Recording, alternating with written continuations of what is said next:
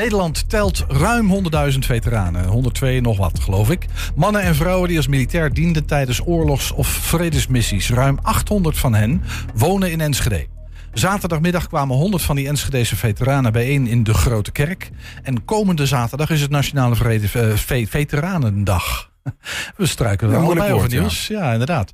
We praten over het belang van die dagen met Arie Blokland, voorzitter van de Veteranensociëteit in Enschede. Welkom uh, Arie, fijn dat je er bent, dat je even gelegenheid had.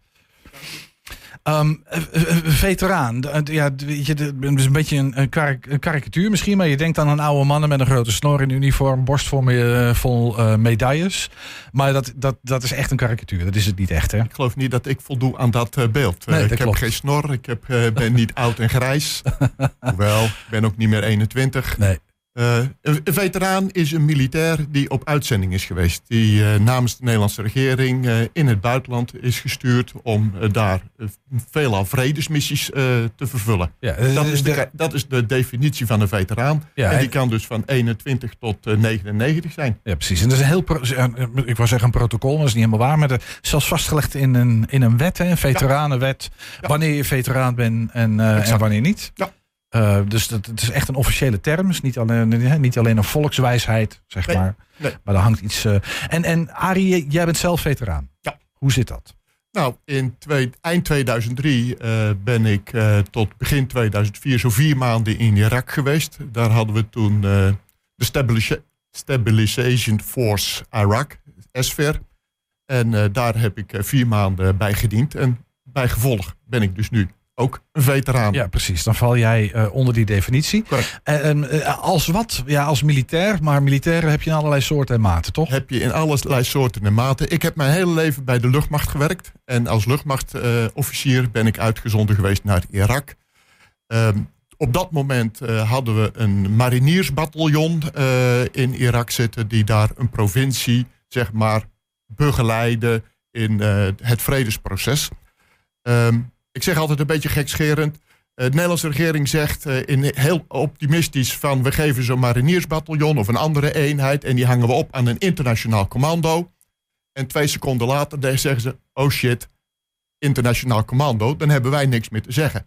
En dan wordt er nog een extra clubje rapporteurs er eigenlijk bij gezet. Dat heet dan met een mooi woord contingenscommando. En daarbinnen was ik uh, als overste werkzaam. En onze taak was dagelijks te rapporteren wat het bataljon aan het doen was, welke opdrachten ze hadden gedaan. En of dat allemaal netjes binnen de spelregels, zoals de regering met de Tweede Kamer heeft afgesproken. Een technische communicatiefunctie, zeg maar. Dat, Ja, zo, ja. mag je dat, dat, Exact. precies. Ja, En, en als daar situaties zijn waarbij je buiten het mandaat van Nederland treedt, eh, dan treden we in overleg eh, met Den Haag eh, wat te doen. Of te zeggen van nee, dat willen we niet. Of een voorbeeld wat ik heb meegemaakt was dat in de provincie naast onze provincie bij de Italianen een eh, heel groot ongeluk, een, een aanslag wat plaatsgevonden. En men had eigenlijk onmiddellijk heel veel helikoptercapaciteit nodig. Om onder andere om gewondes naar Bagdad te brengen, waar het grootste zieke, het beste ziekenhuis was. Daar zouden wij in principe nooit naartoe vliegen. Nou, vanuit ons contingenscommando een telefoontje naar Den Haag. En vijf minuten later heb je dan toestemming om bij uitzondering wel zo'n vlucht te gaan doen. Omdat we natuurlijk gewoon Italiaanse levens wilden redden. En dat- was een vredesmissie, eh, Ja. niet direct betrokken bij oorlogshandelingen. Nee. Nee, precies. En dat maakt ook wel wat uit, denk ik, hè, van hoe je zo'n periode Eh, beleeft. nou, ik had, ik zeg gewoon achteraf heb ik geluk gehad dat ik in Irak zat in een hele rustige periode. Eh, er waren wel wat incidenten, maar dat was meer in het noorden waar de Amerikanen zaten. Maar in de gebieden waar de Nederlanders op dat moment zaten, was het heel rustig. Ja. Dus ik heb daar eigenlijk een hele rustige uitzending gehad. De clubs die na mij zaten, en ook in Afghanistan hebben we dat ook wel in het nieuws kunnen lezen, daar ging het eh, bij tijden best wel heftiger aan toe. Ja, precies. Hey, en ehm, ehm, eh, afgelopen zaterdag, even na afgelopen zaterdag, eh, ik, ik zei 800, volgens mij zijn het 850. 800, eh, 850, ja. Die, die, die, die orde groot, Ja. hè? Enschedese veteranen. Ja. Je- Luchtmachtman, de vliegbasis Twente dan ooit, is, is het daar begonnen, zeg maar, voor, voor Arie? Nee, nee, ik kom uit het westen van het Ja, land. en ik. ik heb mijn hele carrière overal en nergens in Nederland gedaan. En eind 99 werd ik geplaatst op de vliegbasis. En eh, dat was ook gelijk eh, voor mijn gezin en voor mij eh, de aanleiding om naar Twente te verhuizen. Ja, precies. En uiteindelijk had ik nog ambitie om daar nog een keer een tweede functie te gaan doen. Maar daar kwam een sluiting van de vliegbasis helaas tussendoor. Ja, dat snap ik. Maar je bent gebleven. Ja, in Twente zijn we blijven wonen en daar hadden we het heel erg naar ons zin. Dat is fijn om te horen. En dat is nog steeds zo volgens mij. Want jij woont nog steeds in Enschede. Je bent voorzitter van die Enschede's in Boekelen. Ja, nee, goed, dat, dat, dat, is Enschede, dat is Enschede officieel, inderdaad. Um, dus dat is zo gebleven. Ik, ik, vroeg me even af, hè, want we hebben 800, 850 Enschedese veteranen. Ik, heb zaterdag zo eventjes um, nou, geteld, mijn kleine honderd, denk ik. Um, waar is de rest? Uh, geen idee. Even heel, heel zwart-wit, geen idee. Nee. We proberen aan alle kanten een, een aantrekkelijk programma als vanuit de gemeente Enschede een aantrekkelijk uh, programma te bieden. Ik denk dat het zaterdag een heel leuk programma was. Uh, het is in ieder geval heel aangrijpend, indrukwekkend. Ik ben er natuurlijk geweest. Ja. heb er ook wat over geschreven. Dat is op onze website te lezen. Dank. Ja, dat, nou ja, dat, dat gaat wel ergens over. Maar ik, ik hoor ook van die veteranen dat die ontmoetingen van veteranen onderling uh, ja, veteranen vinden dat. Een, aantal veteranen vindt dat heel belangrijk. Maar misschien ook een groep die zegt van ja, joh, het, is in het geschiedenis niet zo belangrijk meer. Het ehm, speelt niet zo'n grote rol in mijn leven. Dat, dat zou toch kunnen? In Nederland, uh, hoe zou ik het eens goed zeggen? In Nederland hebben alle verenigingen het natuurlijk moeilijk om uh, voldoende mensen aan zich te binden en te blijven binden. Laten we daarmee beginnen. Nederlanders zijn heel onafhankelijk. Dus daar hebben wij als veteranenclub om de, alle veteranen te bereiken ook moeite mee. Een tweede aspect, uh, dan ga ik gewoon maar naar mezelf terug. Uh, zolang als ik bij de luchtmacht aan het werk was, voelde ik me heel erg militair, maar nog geen veteraan. Ondanks dat ik al lang en breed veteraan was. En eigenlijk pas sinds ik uh, bij de luchtmacht weg ben, ben ik me veel actiever met het veteranenbestaan gaan bezighouden. Nou, ik kan me ook heel goed voorstellen dat heel veel jongere veteranen, zeg 25, 35, huisje, boompje, beetje, opgroeiende kinderen, die moeten naar sportverenigingen. Dan komt zo'n zaterdagmorgen ook niet altijd even goed uit.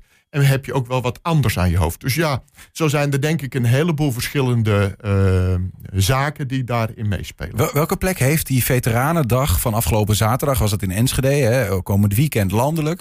Welke heeft hij dan precies? Want je bent voorzitter van de uh, Veteranen Sociëteit Enschede. Dat doet mij denken dat er een soort van wekelijks, maandelijks bijeenkomst is... waar je nou ja, bestuurlijk voorzitter van bent. Um, hoe verhouden die twee zich tot elkaar? Zaterdag is georganiseerd door de gemeente. In feite heel veel gemeentes organiseren een veteranendag. Uh, in zaterdag was het voor de vijftiende keer dat de gemeente Enschede dat organiseert. Zeg maar parallel daaraan hebben we de vereniging, de sociëteit. Daar hebben we twee keer per maand een inloop. Uh, traditioneel hadden we die altijd al op de maandagmiddag op de Zuiderspeeltuin. En sinds anderhalf jaar zijn we op de vrijdagavond begonnen aan de Bruggertstraat. Uh, naast het gebouw van de scouting. Zie je dan dezelfde gezichten uh, op zo'n zaterdagochtend die je eigenlijk op de vereniging uh, twee maandelijks ziet? ik zag er zaterdag meer dan dat we er op de vereniging zagen. Ja, dus ja. er zijn toch mensen die denken als ja. het dan veteranendag dag is, dan kom ik. Correct. Dan kom ik. Correct. Ja. En ik denk, ja, ik weet het niet voor aanstaande zaterdag, maar dan is het landelijk. Mhm. En uh, ja, de nodige militairen hebben natuurlijk, uh, nadat ze hun uitzending gedaan zijn, het zij binnen Defensie, het zij buiten Defensie, alle kanten van Nederland opgevlogen. Ja. En dan zie je je kameraden waarmee je op uitzending bent geweest al, uh, al jaren niet meer. Maar één keer per jaar is dan vaak ook een hoog reuniegehalte. Wat betekent dat voor, voor een veteraan? Gewoon weer oude herinneringen ophalen, goede herinneringen ophalen. Uh, sommige mensen sa samen huilen, meeste mensen samen lachen. Toch even weer gewoon uh, de dingen. Makker zonder elkaar. Uh, makker zonder elkaar, ja. ja. Ik, ik hoor het ook vrij veel van veteranen dat ze zeggen... ja, het is ook fijn om met makkers onder elkaar. Want wij hebben dingen meegemaakt die kan je eigenlijk aan gewone burgers... Ik vind het heel grappig, er is een onderscheid tussen militairen en burgers. Maar ik snap dat ook wel. Um, het is moeilijk om, toch lastig om dat te delen. Ervaar je dat ook zo? Of ligt dat genuanceerder? Ik, ik vind dat dat genuanceerder ligt. Uh, ik praat denk ik wat makkelijker. Ik heb uh, zelf geen uh, psychische problemen opgelopen door het zij defensie, het zij mijn uitzending. dus ik heb wat minder moeite om bepaalde jargontermen nog eens even voor een buitenstaander opnieuw gewoon basic uit te leggen. Want dat is het ook wel. Is dat je gewoon in vaktaal met elkaar praat. En je hoeft de militair maar een half woord te zeggen. En die snapt precies wat je, wat je dan Iedereen bedoelt. Iedereen heeft in zijn eigen bedrijf, in zijn eigen vak, ja. zo zijn jargon. Die zijn directe collega wel begrijpt. Maar uh, die ik waarschijnlijk weer niet zou begrijpen. Nee. Uh, Defensie heeft ook nog uh, gigantisch veel afkortingen. hele bijzondere afkortingen soms. ja, die versta je wat makkelijker als inside man dan een outside man. Nee, dat is helder. Maar speelt dat verhaal van, nou ja, gewoon dingen die je als, kijk, als militair en zeker als je in een, een uitzending hebt gezeten die wat, wat, wat, wat, eh, wat meer calamiteiten had, zeg Ja. maar, maak je dingen mee die je als normaal burger natuurlijk gewoon Niet gelukkig. zou moeten meemaken. Nee, en De eigenlijk wel kogels geen die mensen. je om je oren vliegen, die hoor je in, eh, in Enschede niet te gebeuren. Nee, nee, er wordt wel eens gezegd, een Enschede Zuidvliegen is ook om je oren. Dat is natuurlijk flauwekul. Ja.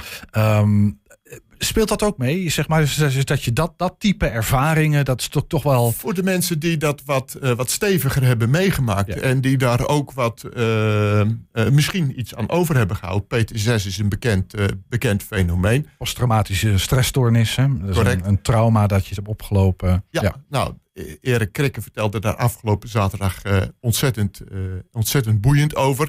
Tegelijkertijd, eh, eh, dat soort mensen hebben natuurlijk geen zin om voor de 500ste keer hetzelfde verhaal uit te leggen aan een buitenstaander. En dan is iemand die in een soort gelijke situatie kletst, ja, dat is gewoon veel laagdrempeliger.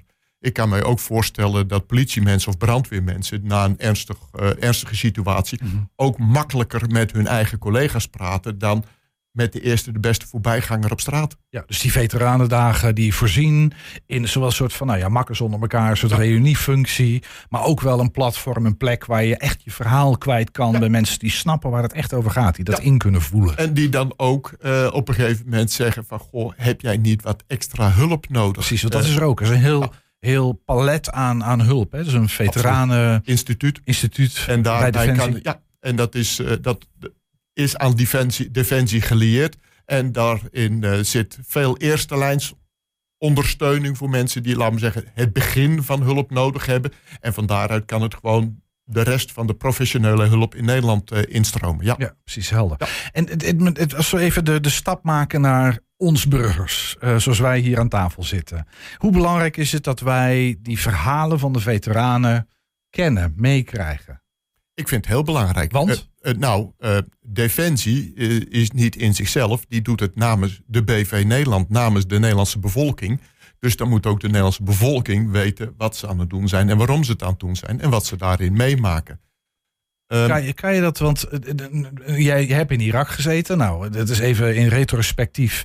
Weet je, daar, de individuele militair heeft daar niet zoveel mee te maken. Dat begrijp ik wel. Maar het is natuurlijk ook wel een omstreden missie geweest. het is een hele omstreden missie. Ja. En, En en, is, is er dan ook iets van onbegrip, zeg maar, in die samenleving? Zeggen, we, ja, dat, dat gedoe in. eh, soms in wel, soms niet. En dat heeft ermee te maken. En ja, ik ben er heel simpel in. Ik ben er niet heen gegaan omdat ik het zo hard nodig vond. Maar ik ben erheen gegaan omdat de regering in de Tweede Kamer zei dat het moest. En ja, omdat en dan ben je militair en dan doe je dat. Ja, Ja. correct. En als je het daar niet mee eens bent, neem je ontslag. Ja. En dat heb ik niet gedaan. Nee. Ik ben gebleven. En eh, ik zal niks lelijk zeggen over iedereen die een andere conclusie trekt. Maar dat is wel, je kan niet eh, en niet op uitzending gaan en wel militair blijven. Ik bedoel, zo werkt het niet. Ik bedoel, dat is een brandweerman die nooit wil uitrukken als er, als er brand is. Ja. Dat, zo- is, dat is je werk, is je baan, Ja. daar heb je voor getekend. En op het moment dat dat aan de orde is, dan, eh, dan, dan, dan ga je dat doen. Ja. En dan ga je dat professioneel proberen in te vullen. Ja. Zo Ja. professioneel als het maar Is zijn er, kan. is, is er, is er eh, genoeg begrip in Nederland? Ik heb altijd het idee, hè, klassiek ding misschien, Amerika, daar is het echt, eh, ja, veterans en gewoon, weet je al, de helden van de nation, zeg maar. Ja. En in Nederland, ja, ik denk dat heel veel mensen niet eens wisten dat het Veteranendag was. Dat is misschien wat Het anders dan begrip, hoor, trouwens. Dat is, daar gaat het meer over eer. Ehm, ja, het is, het is natuurlijk heel bijzonder als je in Amerika bent en je hebt per ongeluk je uniform af, aan en je loopt daar door een supermarkt en je staat bij de kassa. Dan is ongeveer het eerste wat ze zeggen, I respect your service for the country. Dat- is gewoon een standaard kreet die je tenminste één keer... Dat klinkt alsof je het hebt meegemaakt. Uh, of, ja, correct. ja. Ja, ja. Ik ben wel eens een keertje gewoon in Amerika op, op, op werkbezoek geweest. En Ja. dan ben je, loop je daar in je uniform rond. En dan krijg je dat soort eh, woorden nog wel eens een keer. Ja. Nou, dat zal je in Nederland eh, niet gauw horen. Maar wat doet dat met je? Is dat iets wat je dan... Wat je, Ja, als Nederlander, kijk, want nou kom ik eigenlijk waar ik naartoe wilde. Ja, namelijk dat als, in Nederland is dat niet gewoon. Dat is anders. En als Nederlander, als dat daar in Amerika tegen gezegd wordt, dan kijk je ook even, wat zegt ze nou? en, eh, en in Nederland zouden ze veel eerder roepen, hé jij voor aap, pak je aan. Ja. Ik bedoel, Nederland is natuurlijk in de aard, in zijn vezels gewoon een niet-militair land. Eh, Engeland bijvoorbeeld, daar zit dat veel Minder meer. patriotisch ook, denk ik, überhaupt. Mogelijk, mogelijk. We hebben het natuurlijk ook verschrikkelijk goed. Ik geniet daar ook elke dag van. Mhm. En eh, soms vergeten we wel eens een keertje dat we een aantal verzekeringen hebben in Nederland. Een verzekering als politie die voor de openbare orde zorgt, een, brandweer, eh, gezondheidszorg, maar ook een defensie die gewoon voor de nationale veiligheid zorgt. Maar Zit daar dan ook niet precies de paradox? Is dat wij onze vrijheid, veiligheid, al die eh, verworvenheden die we hier met elkaar hebben, dat die niet voor niets tot stand zijn gekomen? Correct, En juist. jullie, ik, kan me, ik probeer me dat voor te stellen. Dan als militair, ik waag mijn leven. En Even los van de politieke discussie. hè? Van, eh, maar, maar dat is waar ik voor getekend heb en dat is wat ik doe. Eh, en, en eh, nou ja, jullie hebben eigenlijk geen idee wat wij aan het doen zijn. Ehm, zit dat er niet een beetje in ook? Ah, ik wil het ook weer niet, Nee, ik wil het ook niet te groot dat, maken. Ik begrijp ik, maar ik praat Ja. even nu Ja, als... nee, dat, zit, dat element zit er wel in. Ja, Ja. ja. correct. Dus, dus dat belang van die verhalen van de veteranen, die zijn uitgezonden voor vrede en veiligheid. En dan weer even los van de politieke discussie. Maar dat is precies waar het over gaat. Dat zien wij in Nederland misschien wel een beetje onvoldoende. we zien dat de laatste jaren daar steeds meer aandacht komt. Laten Hmm. we dan vooral positief daarover zijn. We zien dat de laatste jaren daar steeds meer aandacht voor komt. Je ziet ook dat de belangstelling voor eh, Den Haag, de Nationale Veteranendag, ook steeds toeneemt. Echt. En niet alleen onder veteranen, maar ook onder toeschouwers.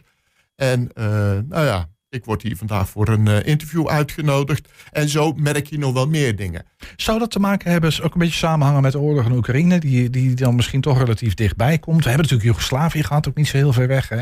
Joegoslavië was natuurlijk een, een heel vies en lelijk conflict. Waar iedereen zoiets had van ja, wat doen we er eigenlijk?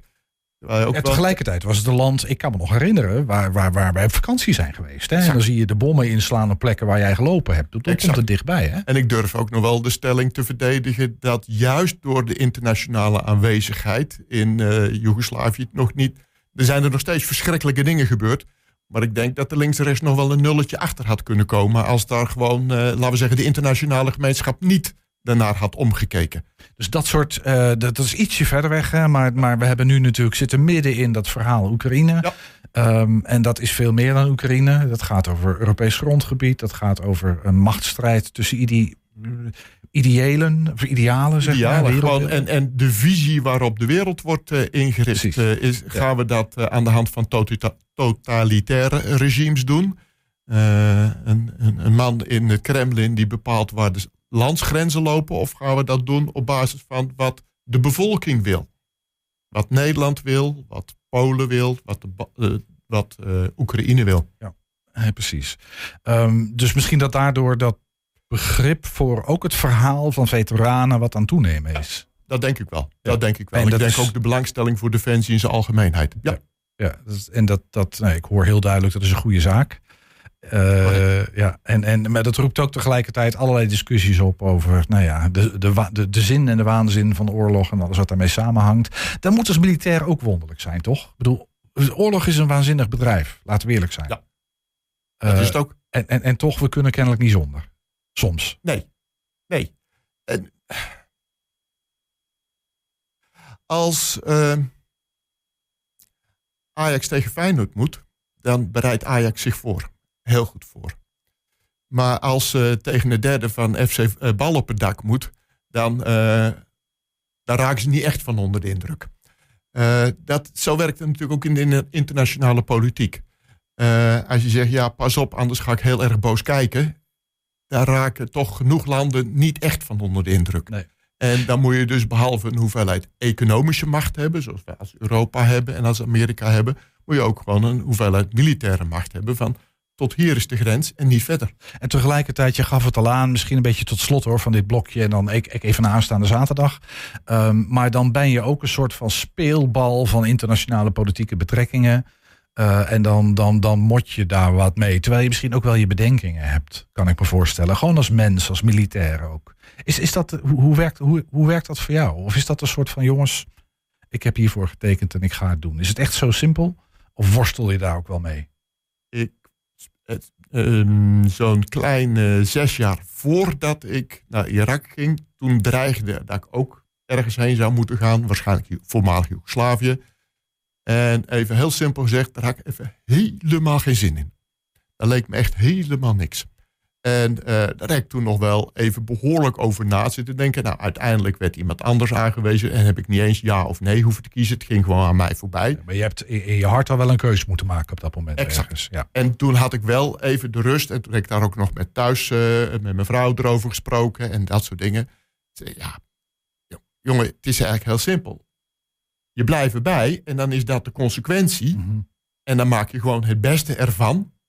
Want je kan dan vertrouwen op je professionele uh, getraindheid. Zeker. En daar ga je dan vanuit. En dat was dus ook toen, zestal jaar later, ik werd aangewezen om uh, naar Irak te moeten. Was het ook eigenlijk betrekkelijk eenvoudig. Een telefoontje naar huis. Ja, vanaf aanstaande maandag ga ik in het opwerksprogramma en over twee weken zit ik in Irak. Ja. Zo, zo, zo simpel was het ja, toen. Dat was het. En, nou, Erik Krikker formuleerde dat mooi. Ik had even, dat is de veteraan die afgelopen zaterdag het woord voerde met een heel indrukwekkend verhaal. En die zei, je hoeft het niet met het systeem eens te zijn, maar de militair verdient respect. Ja. Dat vond ik eigenlijk wel, denk ik, ja, die, die, die, die, die snap ik wel. Nou, ja. Uh, dus het belang ook voor ons als samenleving om die verhalen te horen. Gaan we even naar aanstaande zaterdag. Uh, Nationale Veteranendag in Den Haag. Ga je ja. erheen? Ik heb helaas aanstaande zaterdag een andere afspraak staan. dus, dus je moet wat anders doen. Ja, ja. ik moet wat anders doen. Ja. ja, maar dat is één dag in het jaar hè, waarin veteranen bij elkaar komen om te doen nou ja, waar we het net de hele tijd over gehad hebben. Ik begrijp dat daar ook wat, uh, nou ik zeg maar even lauwerkransen, daar worden wat veteranen in het zonnetje gezet. Zitten daar tukkers tussen? Dat Voor zover je weet, dat weet ik niet. Nee. Dat weet ik niet. Er worden soms wat mensen in het zonnetje gezet. Er worden wat uh, uh, kleine herdenkingen gehouden. En er vindt een heel groot défilé plaats. Zeg maar vanuit allerlei uitzendingen, verschillende uitzendingen. Duizenden militairen die dan met elkaar vanaf het centrum exact. van Den Haag richting, ik denk het Malieveld. Malieveld ja, ja, precies. Rond Malieveld. Ja. Uh, doorgaans is de koning daarbij, samen met een aantal hoge generaals, de minister. Uh, Eigenlijk verwacht ik Rutte ook, maar ik weet niet of die in het buitenland zit of in Nederland is. Maar goed, vanuit de ministerraad ook een aantal vertegenwoordigers. En die nemen dan het défilé af. En uh, ja, aansluitend gewoon ja. een groot, op het Malieveld een grote reunie. En uh, maten tegenkomen, ja. mensen tegenkomen, uh, vrienden en vriendinnen. Ja, daar hebben we het over gehad. Ik, ik, heb, ik wil je vragen twee oproepen te doen. De eerste is uh, voor veteranen hier in Enschede of misschien wel elders. Uh, daar is een camera. Um, vertel even in ieder geval wat jullie doen voor die veteranen. Gewoon kort in één zin. Uh, beginnen we daarmee. Doe zo de tweede oproep. Veteranensociëteit uh, Enschede is echt maar een samenkomst. Elke eerste maandagmiddag van de maand in de Zuiderspeeltuin. En elke derde vrijdag, derde vrijdagavond aan de Bruggetstraat 48. Uh, een bijeenkomst. Vrije inloop. Kom eens een keer kijken. En dan zien we elkaar daar. Mocht je dat zo snel niet hebben meegekregen, wij zetten dit straks nog even online met de exacte plekken en tijden en dat soort dingen erbij. Tweede oproep aanstaande zaterdag, die Nationale Veteranendag. Ik weet eigenlijk niet precies wat er in de media over zal verschijnen, maar wat is jouw oproep aan ons als burgers, gewoon in, in, in ons land? Volgens mij komt het ook op televisie. Dus je hoeft nog niet eens per se naar Den Haag te gaan, maar zet de televisie overdag nog eens even aan en kijk daar eens even mee wat je daar zoal ziet gebeuren. En laat je informeren daarover. Ja, we hebben onze vrede en veiligheid ergens aan te danken. Die is niet uit de lucht komen vallen. Correct. Arie Blokland was dat voorzitter van de Veteranensociëteit hier in Enschede. Dankjewel. Ook hartelijk dank dat ik hier mocht zijn.